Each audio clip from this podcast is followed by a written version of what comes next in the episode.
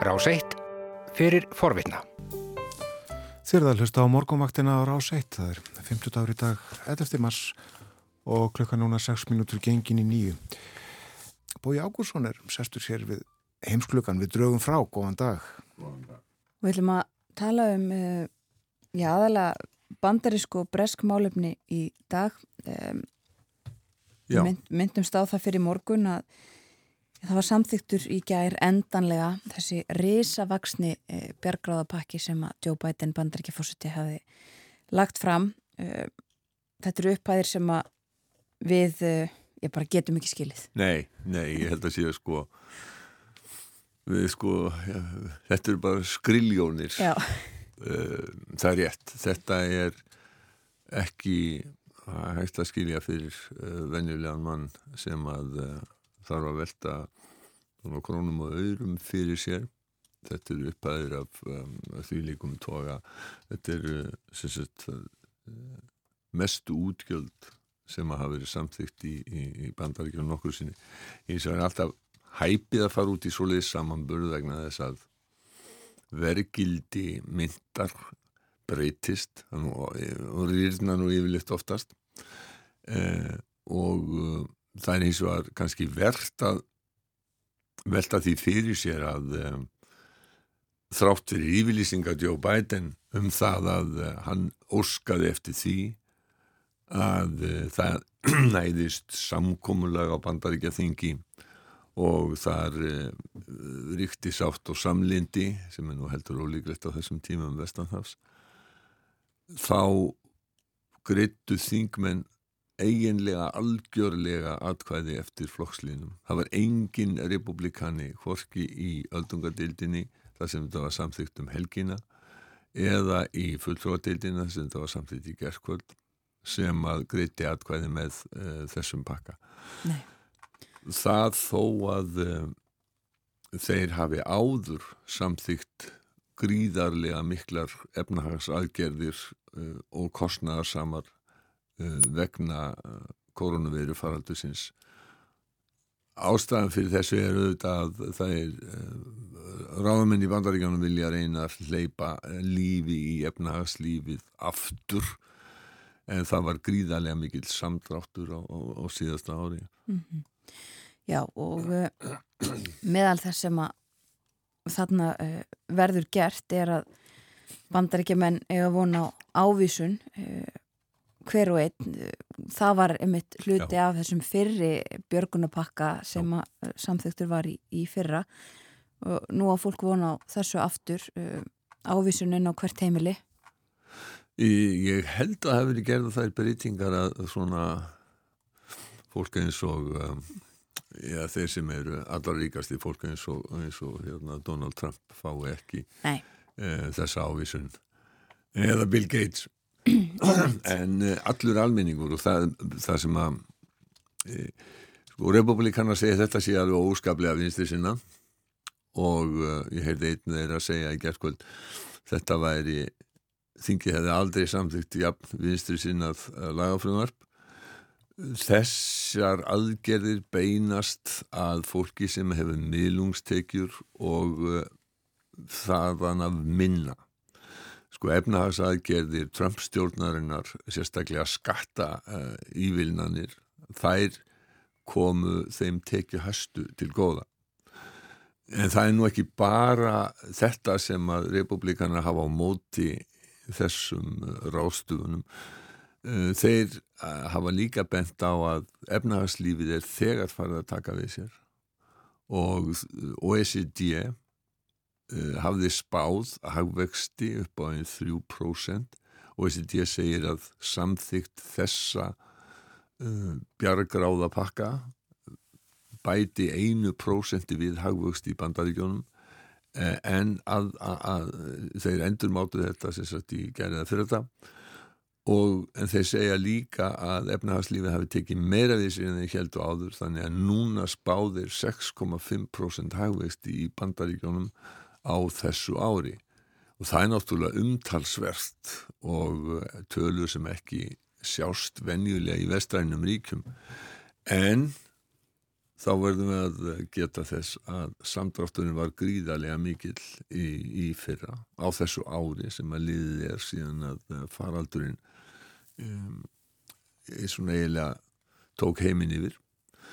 Og uh, sko efnahagslífið verður í loka ásins hverki næri komið í það horf sem það var fyrir ári síðan þannig að uh, þetta eru já, svona tölur eru afstæðar mm. uh, og það verður alltaf að gæta að, að svona hlutum sko Eh, Bandaríkinn hafa farið verð út úr eh, faraldinum en eh, nokkur önnur þjóð uh, því að það eru tæplega 30 miljónir manna sem hafa smittast af veirunni í, í Bandaríkjunum. Og það eru einhverstaðir í kringum 530.000 manns sem hafa látist.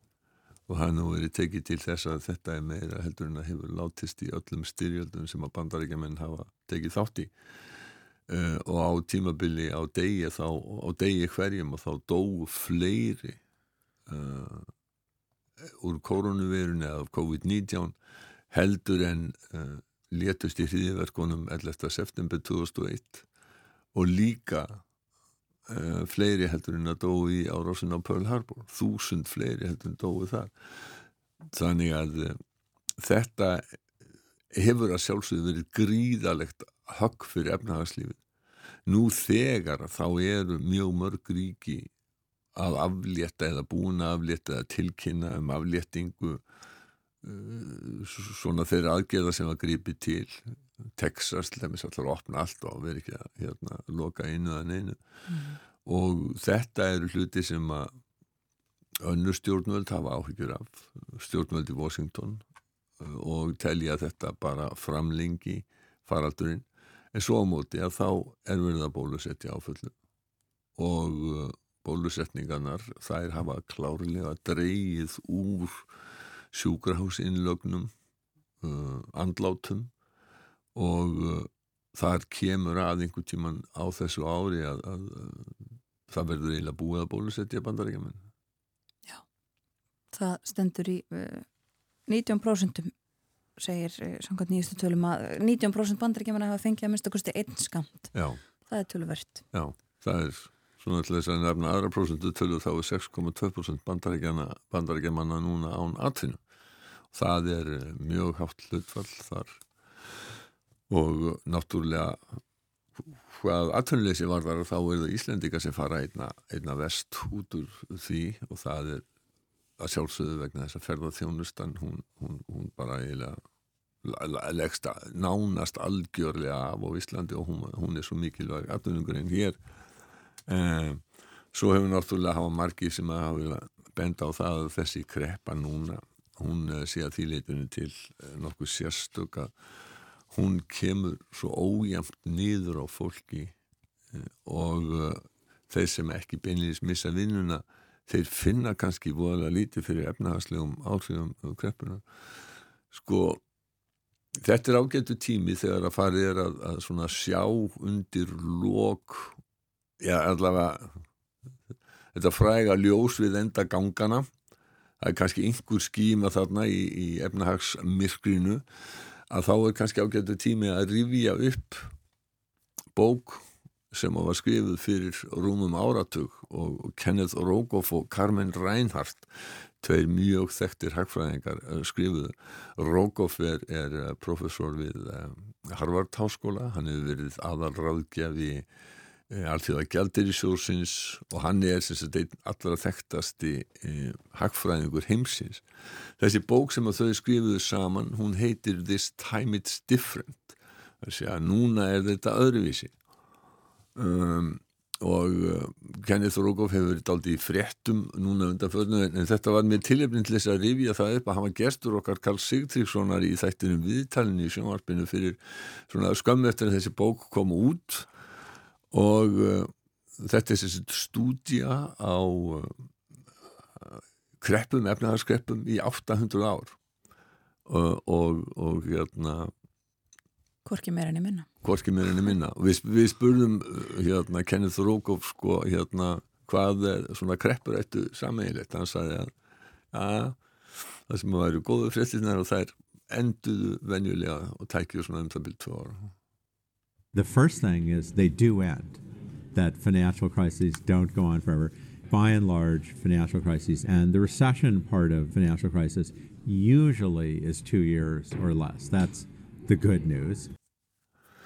Þetta eru góða fréttina, sagði, sagði Kenneth Rogoff. Hann sagði núna í viðtali við BBC uh, að uh, það væri ekki vafi á því að þessi kreppa núna væri svo versta uh, í, í hans á, meðan, á hans líftíma. Well, I think this pandemic is the worst economic crisis of my lifetime, and I'm not young. It was certainly worse than what we experienced in 2008 and 2009. And it's really, you know, the biggest global economic crisis since the Great Depression. We've seen the fastest drop in output. It's worldwide. And frankly, it's not over. Þetta er ekki búið, segir Kenneth Rogoff. Hann segir þetta sé versta kreppa sem hann hafi upplifað. Verra heldur en kreppan 2008-2009 og versta kreppa frá kreppunni miklu á fjörða áratug síðustu aldar. Það er meiri samdráttur en dæmiður um áður og, og eins og er það endað á. Þetta er ekki búið. Þegar ja, Kenneth Rogoff var gestur viðtalsins að þá sagði hann að annað sem að fólk og þjóðir glemdu væri það að hvernig kreppur eru til og, og svo spyrði það sig hvernig gati þetta gest hvernig gátum við verið svona vittlaus af því það er svo auðvöld að sjá ykkur í baksinni speglunum sko. Og svo, svo lýsir hann því að, að titill bókar hans og, og Carmen Reinhardt sé kaltænislegur af þessu leiti sko. núna er þetta öðruvísi segjum Another thing that we learn is how countries forget, and their leaders, their investors, their citizens, that this can happen. You got a banking crisis of varying severity, and somehow it's like it's out of the blue. How could this happen? How could we be so stupid? People are always surprised then. People are always surprised. So the title of our book is This Time is Different. It's supposed to be sarcastic about what everyone says in the run up to a financial crisis. lokum í þessum tilvötnum í Kenneth Rogoff þá skulum við segja sko hver er nýðustæðan, hvað eiga allar þessar kreppur í 800 ár sammeilegt? All crises so far over the past 800 years they've all ended. Já, þeim líkur alltaf. Já, hinga til Já, segir hann so far akkurat. já, já. Bráð skemmtilegu maður, humoristi og um, mjög öflugur skákmaður Já, en það er ekki á dagskrá hér nei. Já, efnagsmálinu þetta og þau verða áfram til umræðu uh, ólíkt hvernig Já. Ríkjunum er að takast líka að vinna sér út úr þessu. Já. En uh, efnagsmálinn koma nú líka við sögu í, í sífinsælu umræðefni í heimsklukanum sem er Brexit og ímislegt uh, sem tengist því. Já, sko Boris Johnson á nú við ímis vandamál að glíma akkurat þessa dagana um, og brettar eru uh, sko að um, þeir eru daldi aggressífir gagvart Evrópusambandinu og sambúðin við Evrópu hún er ekki góð, hún batnaði ekki við það að, að David Frost sem var aðal samningamæður þeirra í, í Brexit undir það síðasta var skipaður að ráð þeirra um Michael Gove hafði farið með þessi mál sam, uh, samskipti með Evrópu áður og hann var svona mýkri og diplomatískari en, en, en uh, David Frost sem, að, sem er vinnu Boris og Boris gerði að, að lávarði þannig við verðum að tala virðulega um hann Frost lávarður hann er mun harðar í hortna taka og svona gerðnari á það að, að láta uh, svona bara já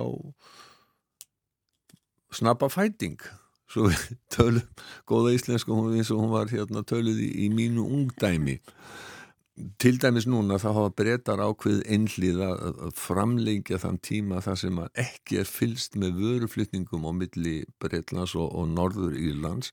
Sko samkvæmt samkomiðlæginu sem að nefndur Frost gerði sjálfur að uh, þá um, eiga vöruflytningar þá er, er í rauninni Norður Írland hluti af uh, ESB og þar að leiðandi verða, verður að skoða allar vörur sem að fara á milli Norður Ílands og, e, og Breitlands uh, og þátti það var svona smá töf samið um það að þetta kæmi ekki að fullu til framkvæmda alveg strax en nú hafa breytarnir ákveðið einhliða að framlengja þetta. Og þetta eh, sko veldur nokkur um vandræðum á Norður Írlandi nú þegar þó að eftirlitið sé ekki komið til framkvæmda. Það var ímsa vestlunarkeðju sem að eiginlega bara hreinlega voru hættar að flytja ákveðin, ég ætla með smatvæli til Norður Írlands vegna þess að það, e, þær myndu og þurfa að sæta eftirliti samkvæmt samkvæmuleginu um, Brettar gera þetta í rauninni algjörlega án þess að tala við Európa-sambandið og Íra og uh, þetta hefur farið mjög illa sérstaklega í Íra þeir setja að segja sko þetta er í annað sinn sem að Brettar gerast brotlegi við allþjóðalög vegna Norður Ílands og þetta eins og ég sagði veldur verulegu núningi í sambúðinu í Europasambandið. Írarnir hafa alltaf lístið yfir, þeir vilja vera bestu vinnir breyta í ESB en segja núna það er ekki auðvelt vegna þess að það er ekki tægt að treysta bresku stjórninni. Hún stendur ekki við það sem að samið er um og Írarnir hafa þegar gefið í skín að þeir ætla að blanda bandaríkjamannum í málið. Og bandaríkjaman fylgjast gríðarlega vel með þessum málum. Og því má ekki gleyma að Írar hafa gríðarlega áhrif vestra og fjöldi pólitíkusar sem að rekur ættir sína þanga bandaríkjastjórn er mjög í mun að uh, það verði ekki til þess að spilla fríðarsamkomiðlæginu sem hafa gert fyrir aldar fjónungja á Norður Írlandi og bandaríkjumin óttu verilega þátt í uh, sem að kenti við, við förstu daginn longa Þetta var til umræðu uh, til dæmis í Newsnight í, í gerðkvöld og þar var meðal gesta uh, Richard Neal sem er formaður Ways and Means Committee í, í bandaríkjum, ég veit ekki alveg hvernig á að þýða það en, en það er sérstaklega svona já, ákveðin allsherra nefnd um, hann veik sér mjög greinilega undan því í viðtali við Newsnight í gerðskvöld að svara því hvort að þessi mál myndu hafa áhrif á, á væntanlega fríverslunarsamning eh, bandaríkjaman og breyta um, það er sko, og það var alveg klárt á honum að hann var svona að gefa ákveðin merki til bresku stjórnarinn að þeir skildu nú fara varlega og ekki gera neitt sem ógnaði friðarsamkomuleginu og svona til þess að minna okkur á það hver ítök uh, Írar hafa í uh, stjórnmálum uh, vestanar þá skulum við hlusta aðeins á Joe Biden áður en hann var fósiti svara spurningu þegar að BBC fréttamaður uh, kalla til hans og allar að spyrja hann að einhverjum Mr Biden, a quick word for the BBC The BBC, I'm Irish. Já. Já Hann er að líska mögnuna. Ég er íri, segir Joe Biden. Og ég held að Boris Johnson, hann ætti að muna það að að Írar hafa gríðalið tengslatna og þeir hafa áhyggjur af þessu.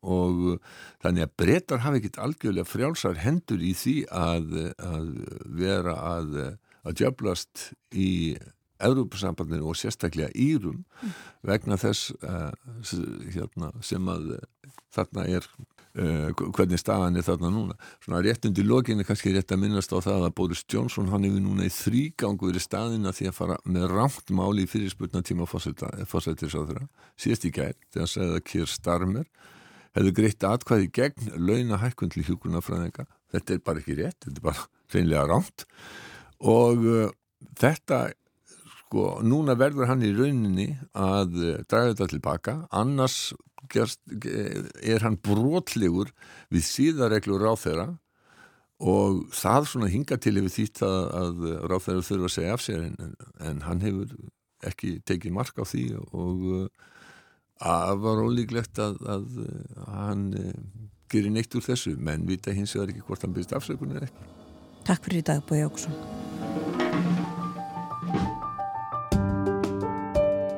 Varst að hlusta á hlaðvarpsþátt frá Rás 1. Ef þið langar til að heyra meira, farðu þá á rúf.is skástrygg hlaðvarp eða spilaran á rúf.is skástrygg útvarp. Rás 1 fyrir forvitna.